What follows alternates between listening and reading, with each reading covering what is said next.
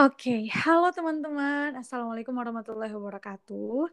Selamat pagi, selamat siang, selamat malam, atau selamat apa pun uh, di saat kalian lagi dengerin podcast ini. Kali ini kita kembali lagi ke podcastnya di Venesia, episode kedua. Dan balik lagi sama aku, yang kemarin di episode pertama juga ngewawancarain narasumber kita. Nah, mungkin bagi teman-teman yang belum dengerin episode pertamanya, uh, masih belum kenal ini suaranya siapa, jadi mungkin aku kenalan lagi. Uh, kenalin teman-teman, aku Anissa, salah satu mahasiswa hubungan internasional dari Universitas Muhammadiyah Yogyakarta, dan sekarang uh, bergabung di tim Reviewnesia. Nah, uh, untuk teman-teman juga yang mungkin baru dengar podcast kita, jadi podcast Reviewnesia ini adalah salah satu platform yang Reviewnesia sediakan untuk uh, teman-teman semuanya, para pembaca, pendengar, dan uh, penikmat karya-karyanya di Venesia. Nah, harapannya dengan podcast ini nanti teman-teman bisa ngikutin perkembangan isu internasional, terus kesempatan-kesempatan uh, internasional yang bisa kalian dapatkan dari hasil ngobrol-ngobrol bareng narasumber kita. Nah, kali ini teman-teman, kita udah kedatangan salah satu narasumber yang keren banget. Uh, narasumber kita kali ini juga adalah salah satu tim di Venesia yang karyanya juga bisa teman-teman lihat di website di Venesia.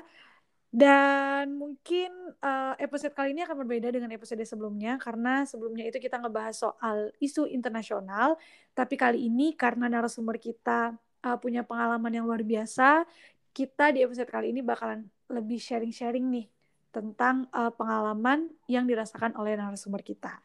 Nah, mungkin kalian juga udah kepo siapa sih narasumbernya? Kita undang ya. Halo Rizka. Halo semua, perkenalkan nama aku Rizka Maharani, aku uh, mahasiswa hubungan internasional dari Bina Sentara. Oke, nah Rizka sekarang uh, sedang di semester berapa nih? Oh, aku sekarang lagi di uh, semester 6, mau ke 7 nih. Oke, semester 6 di Bina Nusantara, anak HI juga. Nah teman-teman, uh, pasti kalian kepo ya, kok bisa sih anak semester 6 itu bisa gabung ke tim Revinesia. Mungkin Rizka bisa ceritain nggak kemarin bisa gabung ke tim Revinesia itu gimana ceritanya? Hmm, aku tuh terbilang baru ya masuk ke mm. Indonesia itu. Uh, awal tuh aku ketemu sama Katalap CEO-nya tuh di uh, eh, KJRI kebetulan tempat aku magang. Aku ketemu sama Katalap di situ, terus uh, banyak ngebahas diskusi tentang soal isu HI, lalu uh, perkembangan Revenesia sampai saat ini gitu kan. Eh terus um, berapa lama kemudian Katalap nawarin nih Rizka ikut gabung nggak? Gitu kan. Terus aku kayak dengan senang hati gitu. Merasa oh. bangga gitu loh. Nah, karena di okay. join. Oke okay, oke. Okay. berarti uh, bisa gabung ke Revenesia itu karena ngobrol langsung sama CEO-nya Revenesia Katalap ya berarti ya betul. Oke. Okay. Nah, di sini aku dapat satu pelajaran sih Rizka dari ceritanya Rizka kalau misalnya ternyata peluang kita untuk kerjasama sama orang itu bisa di bisa didapatkan dari keterbukaan kita ketika ngobrol sama orang baru ya. Kayak Rizka hmm, tadi bilang kan waktu ketemu sama Katalap, Rizka cerita-cerita soal isu HI, soal topik-topik HI sampai akhirnya Katalap notice oh Rizka kayaknya cocok nih kalau jadi tim di Venesia gitu. Terus akhirnya Rizka gabung deh ke tim di Venesia. Yeay. Iya gitu, nah, gitu. Tadi uh, ada di spill di awal juga uh, waktu Rizka cerita tentang pengalaman gabung ke Venesia kalau ketemunya ketemu sama Katalap itu di KJRI pas lagi magang. Nah, teman-teman, itu adalah topik yang kita bakal bahas hari ini. Jadi Rizka ini, eh Rizka ini tuh uh, Indonesia yang saat ini tuh lagi magang ya hmm, betul. Betul betul. Oke. Nah mungkin uh, Rizka bisa ceritain dulu deh bedanya KBRI sama dan uh, mungkin bisa cerita-cerita singkat juga tentang KJRI Jeddah untuk teman-teman semuanya. Silakan. hmm, kalau kalau KBRI itu kan kepanjangan dari Kedutaan Besar Republik Indonesia ya ke KBRI itu lebih uh, berfokus pada eh sama sih KJRI sama KBRI tapi bedanya tuh kalau KBRI itu nggak ada uh, fungsi politik Oh, kalau dia di Karping nggak ada fungsi sama, politik. sama fungsi pertahanan. Dia nggak ada. Oh, oke. Tapi kalau di KJRI berarti misinya lebih luas gitu ya? Kalau kalau KJRI itu eh aku kebalik ngomongnya nih. Gugup. Eh, kalau KJRI ya ada fungsi politik dan fungsi apa dan, dan fungsi atas pertahanannya. Tapi kalau KBRI dia eh, lebih mencakup negara itu sendiri gitu kan. Kalau KJRI itu Iya, lebih iya, ke masyarakatnya yang ada Mm-mm. di eh, kota-kota. Kota-kota lain ibu kota negara tersebut ya. Oh betul. Dan eh, Ini kepanjangannya apa sih, Rizka? Oh Konsulat Jenderal Republik Indonesia. Oke, benar-benar. KJRI. Oke, lanjut lanjut. Tadi Eh, jadi kalau eh, KJRI itu ada di ada yang eh, yang kotanya itu juga berkembang selain ibu kotanya gitu. Nah, misalkan KJRI Jeddah di sini. Eh, seperti yang kita ketahui, kedutaan Saudi Arabia itu kan eh kedutaan Kingdom of Saudi Arabia itu kan eh, kotanya Riyadh, ibu kotanya. ibu kotanya. Kota-kota lain yang yang ada kayak seperti eh, Jeddah, Abha dan lain-lain tuh juga ada. Nah, tapi kalau di Saudi ini yang lebih besar itu yang lebih eh, kuat gitu loh kota selain Riyadh yaitu Jeddah. Hmm. Gitu. Jadi ada KJRI di Jeddah. Oke, kabar banyak orang Indonesia. Iya, banyak banget di sini. Kadang kita kayak ke pulang kampung gitu. Oh, Kayak jadi ngomong ngomongnya juga bahasa Indonesia tuh. orang gitu. Kalau sama orang Indonesia iya. Apalagi eh, banyak orang daerah kan. Nah, jadi Oh. kayak ke bawah gitu loh, dialog-dialog gitu kan. Mm-mm. Kayak gitu. Oh, oke oke oke. Jadi vibes-nya vibes Indonesia tapi lagi di luar negeri gitu ya. Keren banget sih. Nah, Iya.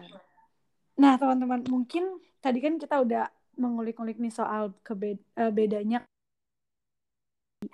Nah, kali ini kita mungkin lebih spesifik ke pengalamannya Rizka. Eh, mungkin Rizka bisa ceritain nih, gimana sih bisa akhirnya magang di KJRI dan apa ini terbuka untuk eh, teman-teman yang lain? Apakah harus mahasiswa HI atau boleh mahasiswa lain? Dan mungkin persyaratannya kayak gimana? Mungkin Rizka bisa. Hmm, pertama-tama aku tuh selain em, karena mahasiswa HI gitu kan, jadi pengennya kayak masuk ke tempat pemerintahan dan segala macam. Terus, Mm-mm. eh, selain itu juga aku milih KJR itu karena yang aku dengar ya dari orang-orang sekitar ya. Eh, kalau KJRI Jeddah itu termasuk dalam pri- apa instansi-instansi pemerintahan di luar negeri yang terbesar juga gitu. Karena di KJRI Jeddah itu lumayan lengkap ya, meskipun nggak ada ya, apa fungsi politik ataupun atas pertahanannya, tapi yang lainnya lengkap gitu kan. Ada bagian haji, kode konsularan, ada imigrasi, ada divisi ekonomi dan lain sebagainya. Dan aku tuh jadi merasa tertantang gitu untuk masuk ke KJRI gitu kan. Dan kebetulan ada kenalan juga di sini. Jadi lewat bantuan uh, orang tersebut, jadi ya alhamdulillah masuk Hmm. Gitu masuk KJRI. Oh. Um, banget sih. Berarti berarti yang memilih KJRI itu emang karena peluang apa karena peluang belajarnya tuh lebih besar gitu ya kalau em, menurut aku di di semua KJRI atau KBRI, maksudnya di semua instansi pemerintahan tuh pasti banyak em, banyak peluang untuk belajarnya ya. Dan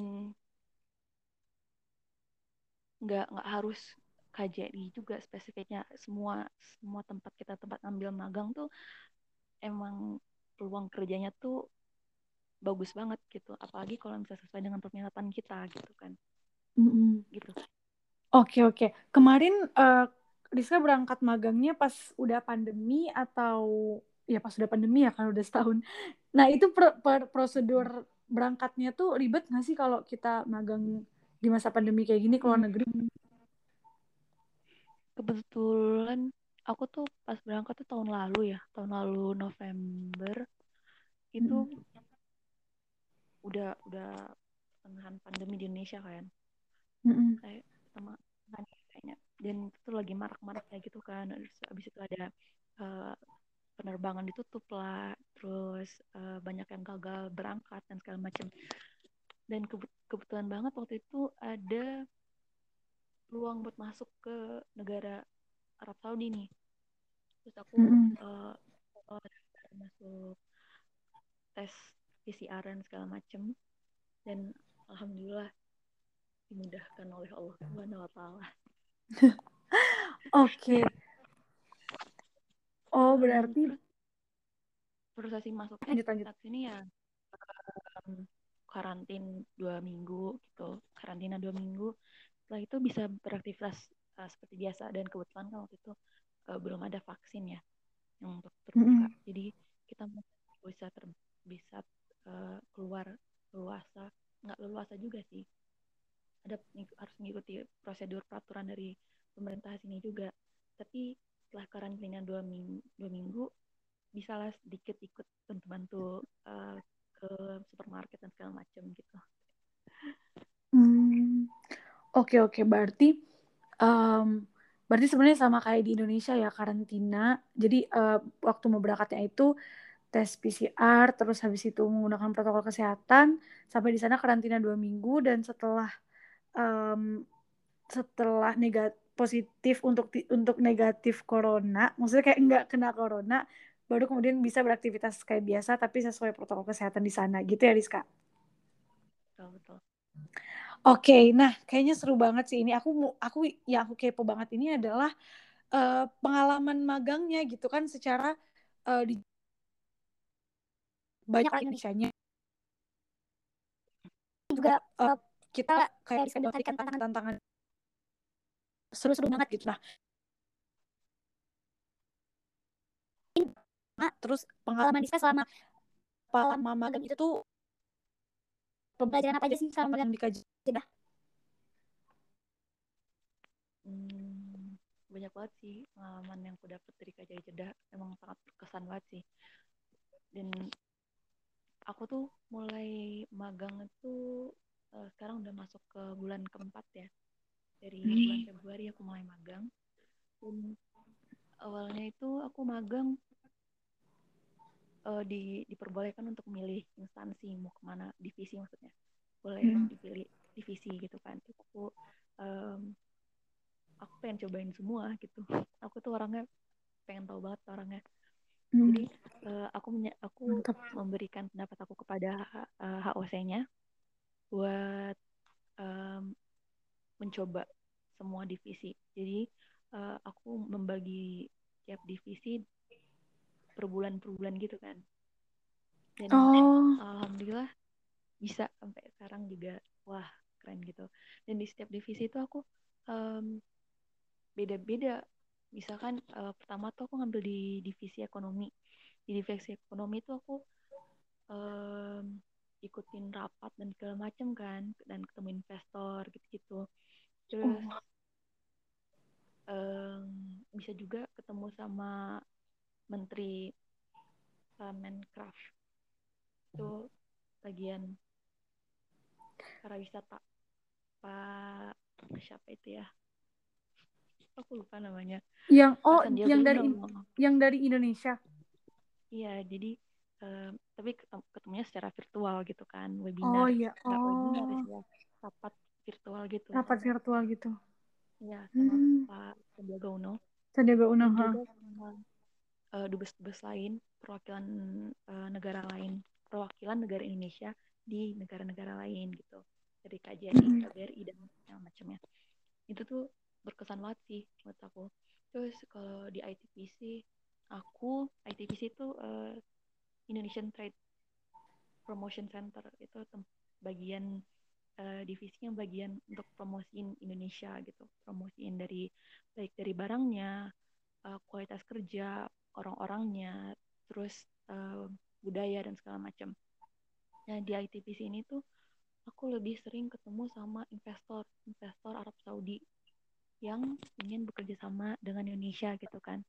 Dan uh, karena Indonesia di mata investor itu peluang yang sangat bagus buat oh. uh, terutama uh, karena adanya perpindahan ibu kota ke Kalimantan mm -hmm. banyak investor yang sangat tertarik gitu kan untuk uh, membuka Oke. Okay. tadi tiba-tiba kayaknya ada gangguan, terus tiba-tiba ke selesai ya. Iya. Sama tadi sendiri. Iya teman-teman, jadi nanti kita berusaha untuk gabungkan ini. Kalau misalnya ini nggak kegabung sama recorder yang pertama, bakalan kita buat uh, terpisah tapi langsung berlanjut gitu. Nah, jadi obrolannya sebenarnya kita lanjut itu uh, ingatku pembahasan kalau misalnya se semenjak uh, kita mau pindah ibu kota ke Kalimantan itu mulai banyak investor yang tertarik untuk situ. Mungkin bisa lanjutin nih pengalaman ya um, selain jadi kan di TVC itu ketemu investor-investor gitu kan. Mereka tuh uh, banyak banget uh, minat mereka di Indonesia. Ada yang minat dengan uh, pembangunan di jalanan dan segala macam terus ada yang minat dalam uh, makanan terutama untuk produk haji kayak makanan uh, siap hmm. saji dan segala macam gitu kan karena adanya regulasi hmm. baru dari pemerintah tentang um, makanan yang harus disediakan saat uh, ibadah haji dan umroh itu um, harus menggunakan yang siap saji biar terhindar dari uh, virus corona dan segala macam jadi banyak tuh investor-investor yang menawar mm-hmm. menawarkan um, dalam bidang tersebut dan kalau misalnya di uh, konsuler setelah itu kan aku konsuler tuh di habis dari ITPC aku konsuler nah di konsuler mm-hmm. tuh um, aku ditempatin di bagian call center call center KJRI dan di situ setiap harinya tuh kita bisa menerima 5 sampai 10 bisa juga lebih telepon dari uh, masyarakat kita yang menanyakan perihal um, kepulangan mereka ke Indonesia atau enggak uh, prosedur-prosedur uh, untuk kepulangan atau prosedur untuk mereka ting tetap tinggal di negara uh, Arab Saudi ini gitu kan. Terus ada juga uh, yang uh, memberikan keluhan secara langsung gitu kepada kita terutama uh, yang mengalami yang ter, yang mereka menghadapi kasus-kasus kayak gitu kan. Kasus-kasus yang kayak uh, penganiayaan atau um, KDRT dan segala macam gitu. Itu banyak juga cukup uh, cukup membuat pusing para atasan di uh, bagian konsuler sih emang itu. Emang di diakui juga para atasan juga itu kan terus um, banyak juga yang um, memperpanjang paspor, uh, membuat um, ikomah atau uh, kartu tanda penduduk gitu kan, kayak gitu. Terus uh, selain itu aku di Pensosbud. Pensosbud itu bagian sosial dan budaya dan pendidikan, pendidikan sosial budaya. Uh, aku lupa pennya apa. Jadi kalau di Pensosbud itu aku uh, di awalnya aku ditanya gitu kan sama atasan kamu di Pensosbud itu luas kamu mau ke mana kamu bisa um, bisa ke bagian media bagian uh, beritanya segala macam atau bagian uh, ngedit video dan lainnya. Terus atau bagian pendidikan. Dan aku milihnya uh, waktu itu ke pendidikan. Aku tertarik banget sama SIJ kebetulan SIJ itu kan di bawah naungan KJRI Jeddah. SIJ Sekolah Indonesia. Jeddah dan Indonesia Jeddah. Sekolah Indonesia Mekah. Ya, dan aku milih untuk uh, ngambil SIJ kan. Dan di situ aku disuruh buat laporan. jadi aku di bagian press itu aku nggak buat laporan tuh tentang SIJ wah banyak banget sih yang aku yang aku tahuin tentang SIJ dan sangat menarik juga kalau bisa dibahas terutama kalau buat skripsi gitu kan. Itu peran misalkan misalkan peran SIJ untuk pendidikan warga negara Indonesia di Arab Saudi. Nah, itu kayak keren banget tuh kalau buat skripsi. Gitu. Terus kalau sekarang aku um, saat ini aku di bulan terakhir ini lagi di imigrasi. Tapi karena kebetulan um, lagi mengizin jadi Rizka di rumah aja dulu. Belum melanjutkan magang lagi. Masih di rumah magangnya. Gitu oke. Okay. aduh gila sih keren banget. Aku mendengar mendengar cerita singkat. Ini tergolong singkat. Ya. Wah. Aku aku gak kebayangin gitu loh kalau jadi kamu kayak seberapa banyak ilmu yang didapatin tiap harinya gitu kan. Kayak belajar hal-hal yeah. baru terus tahu tentang ternyata um, kerjaan menjadi diplomat itu tidak se apa ya yang kita lihat gitu kan. Maksudnya kayak juga ngurusin keluhan ini keluhan uh, warga kita. Terus juga tadi harus bisa berhadapan dengan investor juga gitu ya. Gila. Dan itu anak magang ikut ke dalam semua proses negosiasi itu. Berarti kamu ngelihat waktu ada Pak Menteri itu kamu juga dibolehkan untuk untuk tahu obrolan mereka ya berarti? Iya kebetulan tuh atasan aku alhamdulillah baik-baik semua. Dan uh, memperbolehkan aku untuk mengikuti mereka gitu. Aku diperbolehkan untuk jadi ekor mereka gitu kan. Alhamdulillah banget. Dan aku diperbolehkan untuk masuk ruang rapat dan menghadiri semua itu. Itu sih beruntung banget sih aku. Apalagi kalau misalnya ketemu investor gitu kan. Yang pentingnya nggak nauzubillah deh. Itu aku diperbolehkan keluar masuk malah ditanya lagi kalau mau ngapain keluar gitu. Ditanya gitu kamu keluar ngapain? Atau enggak masuk ya gitu. Itu tuh aku tuh jadi tersayang jadi gitu loh. Merasa aku penting gitu kan padahal cuma magang. Tapi di situ sih enaknya menemukan atasan yang bagus. Itu um, menurut aku bukan cuma magang doang sih ya. Kalau misalnya kita punya atasan yang bagus baik di kerjaan ataupun emang lagi magang semua itu pasti enak gitu dilakuin. Mm aja gitu jalannya kayaknya. Terus beban tuh kayaknya nggak ada gitu. Karena ya ada yang memperhatikan kita gitu ada yang membimbing kita ada yang mm -hmm. membantu kita dalam melakukan pekerjaan kita. Meskipun itu hal-hal kecil mereka juga masih um, dengan senang hati untuk masih tahu gitu. Nggak nggak dengan apa nggak dengan seenaknya membiarkan kita untuk melakukan itu sendiri gitu kan. Jadi kita hmm. dibimbing gitu. Wow aku jadi sangat tertarik untuk untuk magang di KJRI atau KBRI wah gila sih keren banget. Nah cuman yang aku satu kepo ini adalah uh, apakah kalau misalnya ada nih mungkin teman-teman nanti ya melihat situasi pandemi kalau misalnya aksesnya udah lumayan mudah mereka mau dan tertarik untuk magang di KJRI apakah harus bisa bahasa Arab? Pertanyaannya apakah harus bisa bahasa Arab? Atau gimana tuh? Enggak enggak sih enggak harus. Apalagi kalau misalnya ke um, KJRI atau KBRI lain gitu kan kita nggak uh, ada yang mengharuskan kita menggunakan hmm, apa mempelajari bahasa asing tersebut ada yang nggak mengharuskan gitu kan. Kayak misalkan di uh, di KBRI Seoul di Korea mereka -hmm. mengharuskan kita untuk belajar bahasa Korea gitu kan.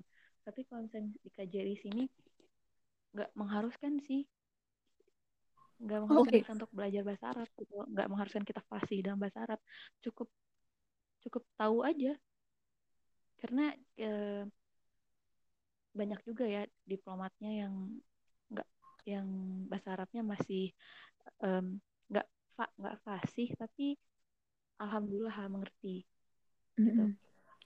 itu kalau ketemu investor itu dia pakai bahasa Arab atau bahasa Inggris tuh hmm, ada yang menggunakan bahasa Arab, ada yang menggunakan bahasa Inggris gitu kan. Uh, tapi karena kita juga ada penerjemah, kita uh, di KJRI juga ada penerjemahnya juga gitu. Jadi uh, diplomatnya juga nggak merasa terbebani gitu untuk mengharus untuk mengharuskan mereka menggunakan bahasa Arab. Tuh. Hmm, oke oke oke oke oke. Terus diterjemahkannya ini bahasa Indonesia atau bahasa Inggris? Kepo banget. Oh. Jadi awalnya si investornya ini pasti bakalan ngomong ke uh, translator kita yang berbahasa Arab mm -hmm. ini.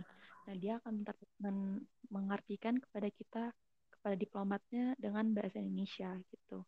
Atau enggak ada juga yang uh, investornya emang udah langsung menggunakan bahasa Inggris gitu.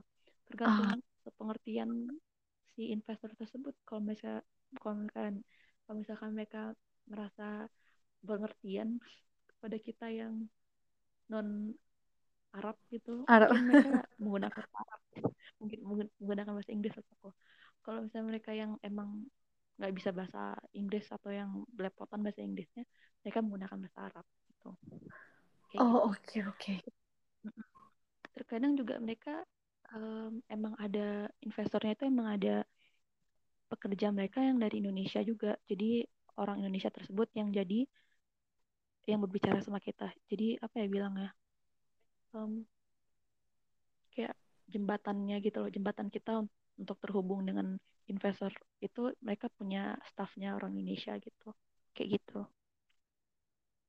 Oh gila sih menarik banget ya. Berarti ya itu sih kesimpulan dari aku kayak magang magang di instansi pemerintah di luar negeri itu pasti pengalamannya luar biasa. Nah um, kita tuh sel pasti selalu keseruan sampai akhirnya lupa waktu ini kita udah 25 menit lebih kayak kita ngobrol dan um, kayaknya ini waktu yang udah pas untuk kita mengakhirinya teman-teman. Maaf dulunya ya kita ngebahas ini. Uh, mungkin uh, untuk menutup ini aku kasih kesempatan. Kalau misalnya ada ada pesan yang mau disampaikan ke teman-teman yang mau magang atau mau tadi pengalaman yang diceritakan uh, boleh. Tapi jangan terlalu panjang takutnya nanti kepanjangan. Oke okay? silakan. Hmm, buat teman-teman yang mau magang ya um, terutama pemula yang baru mau masuk ke semester magang menurut aku um, harus sesuai dengan minat kita sendiri sih. Karena kalau misalnya nggak sesuai dengan minat pasti kitanya juga nggak bakalan uh, merasa tenang atau nggak bakal merasa masuk gitu ke dalam materi yang pernah kita pelajari selama perkuliahan gitu kan. Dan hmm. untuk uh, terutama untuk anak HI ya meskipun nggak apa-apa kalau nggak dapat di kementerian gitu mau di dalam negeri atau luar negeri instansi mana pun instansi pemerintahan mana pun itu bagus gitu. Nggak mm -hmm. harus kamu ke ke, ke Kemenlu nggak harus kamu ke KJR atau KBRI gitu yang misalnya di luar negeri segala macam. Nggak harus. Kamu juga bisa untuk uh, ambil magang di yang dalam negeri kayak misalkan perusahaan-perusahaan segala macam. Mereka juga menyediakan untuk uh, anak-anak magang uh, dari jurusan HI gitu. Jadi jangan berkecil hati kalau misalnya nggak dapet di kementerian atau di instansi kementerian di luar negeri gitu. Gitu aja sih. Aku tiba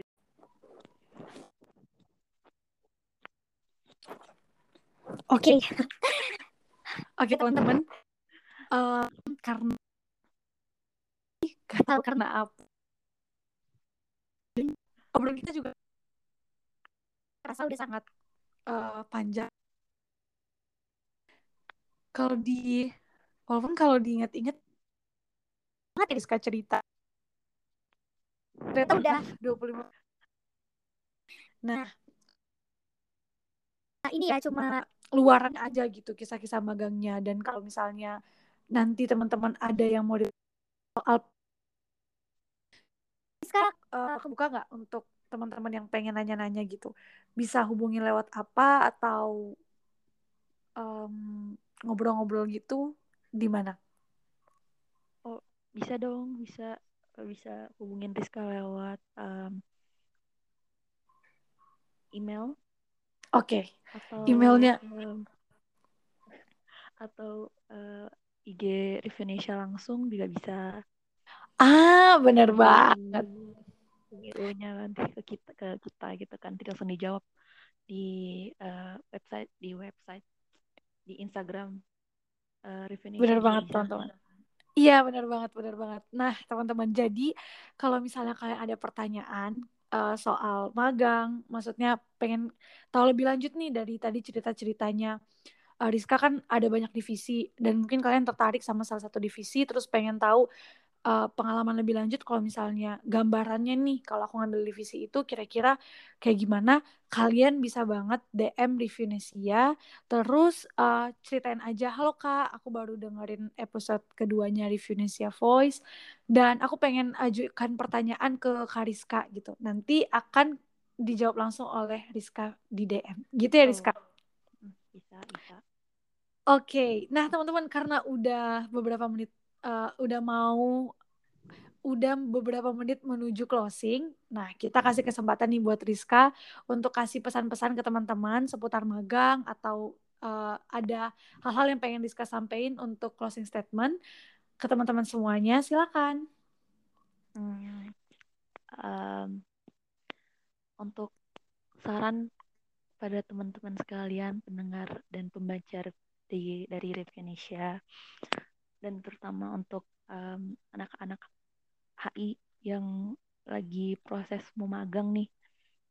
Kebetulan kita mengalami pandemi ya pasti sulit banget itu untuk dapetin tempat magang.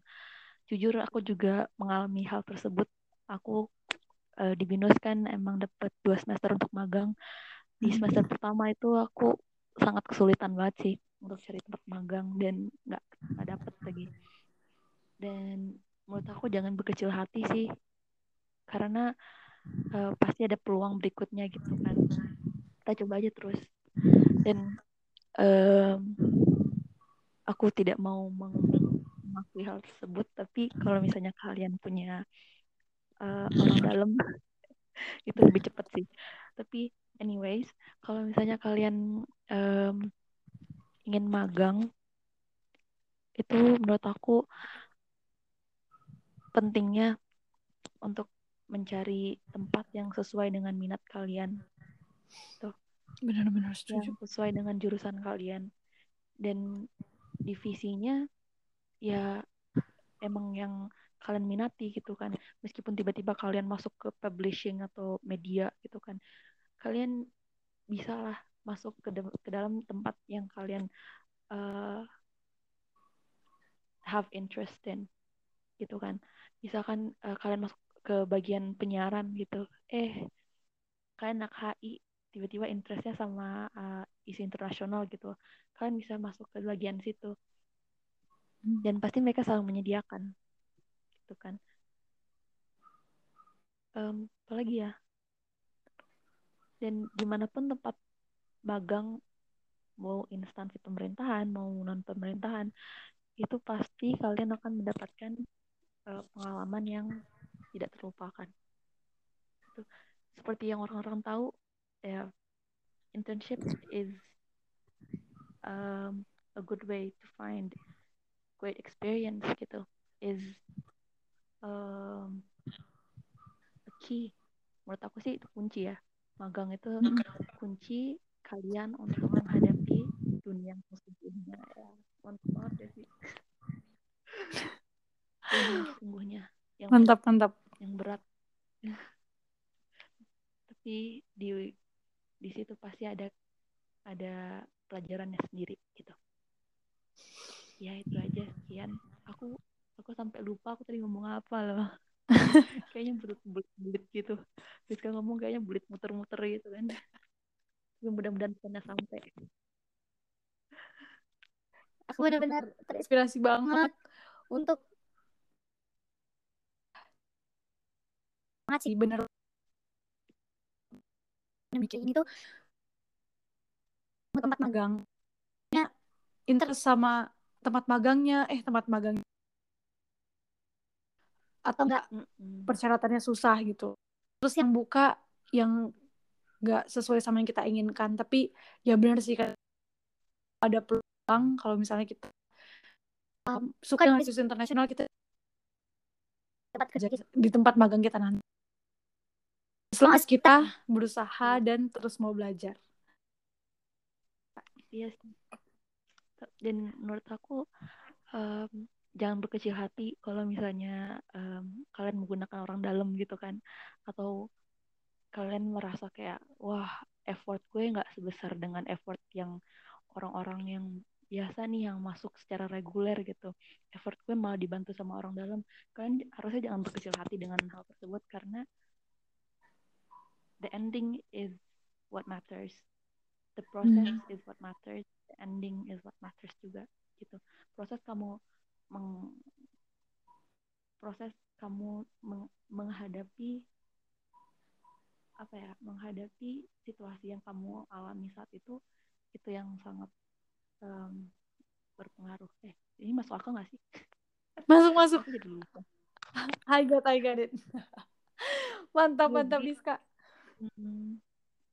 maksudnya mungkin okay. proses awalnya nggak nggak sebagus orang-orang gitu kan mm -mm. mungkin proses awalnya kita agak licik sedikit gitu kan tapi setidaknya kita uh, mengalami enggak mengalami sih mendapati uh, pengalaman-pengalaman ke depannya gitu dalam menghadapi situasi-situasi saat seperti itu kayak gimana kayak gitu. Mm -mm. Benar, benar, benar. Oh, mantap banget. Ini kita banyak banget ya guys belajar dari Rizka. Dari pengalaman Rizka yang masih semester 6 sama kayak aku. Tapi kayaknya pengalaman Rizka lebih banyak. Dan um, ini kita udah berada di ending banget teman-teman. Semoga kalian uh, suka sama podcastnya. Semoga kalian suka sama obrolan kita kita tadi. Dan uh, jangan lupa harapannya sih setelah ini semangat lagi untuk uh, untuk kalian yang lagi cari magang lebih semangat lagi untuk coba apply ke mana pun kesempatan yang terbuka. Dan nanti kalau misalnya udah dapat kesempatannya jangan lupa dimaksimalin kayak Rizka. Kayak mencoba semua kesempatan yang bisa didapatkan. Terus juga dan semoga atasannya baik ya. Dan membantu kalian untuk terus berkembang. Amin amin amin Amin. Oke okay, guys, karena ini uh, udah sampai di ending dari podcast ini, terima kasih banyak untuk kalian yang sudah mendengarkan podcast kita dan makasih banyak juga Diska udah mau menyediakan waktunya. Ya, sama-sama juga. Semoga cepat diundang kembali ya. Ya. Yeah. Oke, okay, kayak ini kode ya. Kita bakalan ada obrolan selanjutnya nih setelah ini. BTW di Jeddah lagi jam berapa tuh sekarang? Um, jam 4 lewat nih, masih sore masih sore. Kebetulan di Indonesia udah jam delapanan guys, tapi nggak kerasa ya. Um, iya. Ternyata suaranya Beda sama gitu, antara suara Indonesia dan suara Jeddah. Oke okay, teman-teman, um, uh, kita akhirin podcast kita pada hari ini. Semoga kalian enjoy dan dapat banyak manfaat. Sampai jumpa di episode selanjutnya. Dadah teman-teman, jangan lupa stay healthy dan membaca semua artikel yang ada di website definisi. Bener nggak, Rizka? Bener banget. Oke, okay, dadat. Wajib, wajib. sih untuk tugas kuliah kalian, ya nggak sih? Betul, betul, betul. Oke, teman-teman. Dan Assalamualaikum warahmatullahi wabarakatuh. Dah.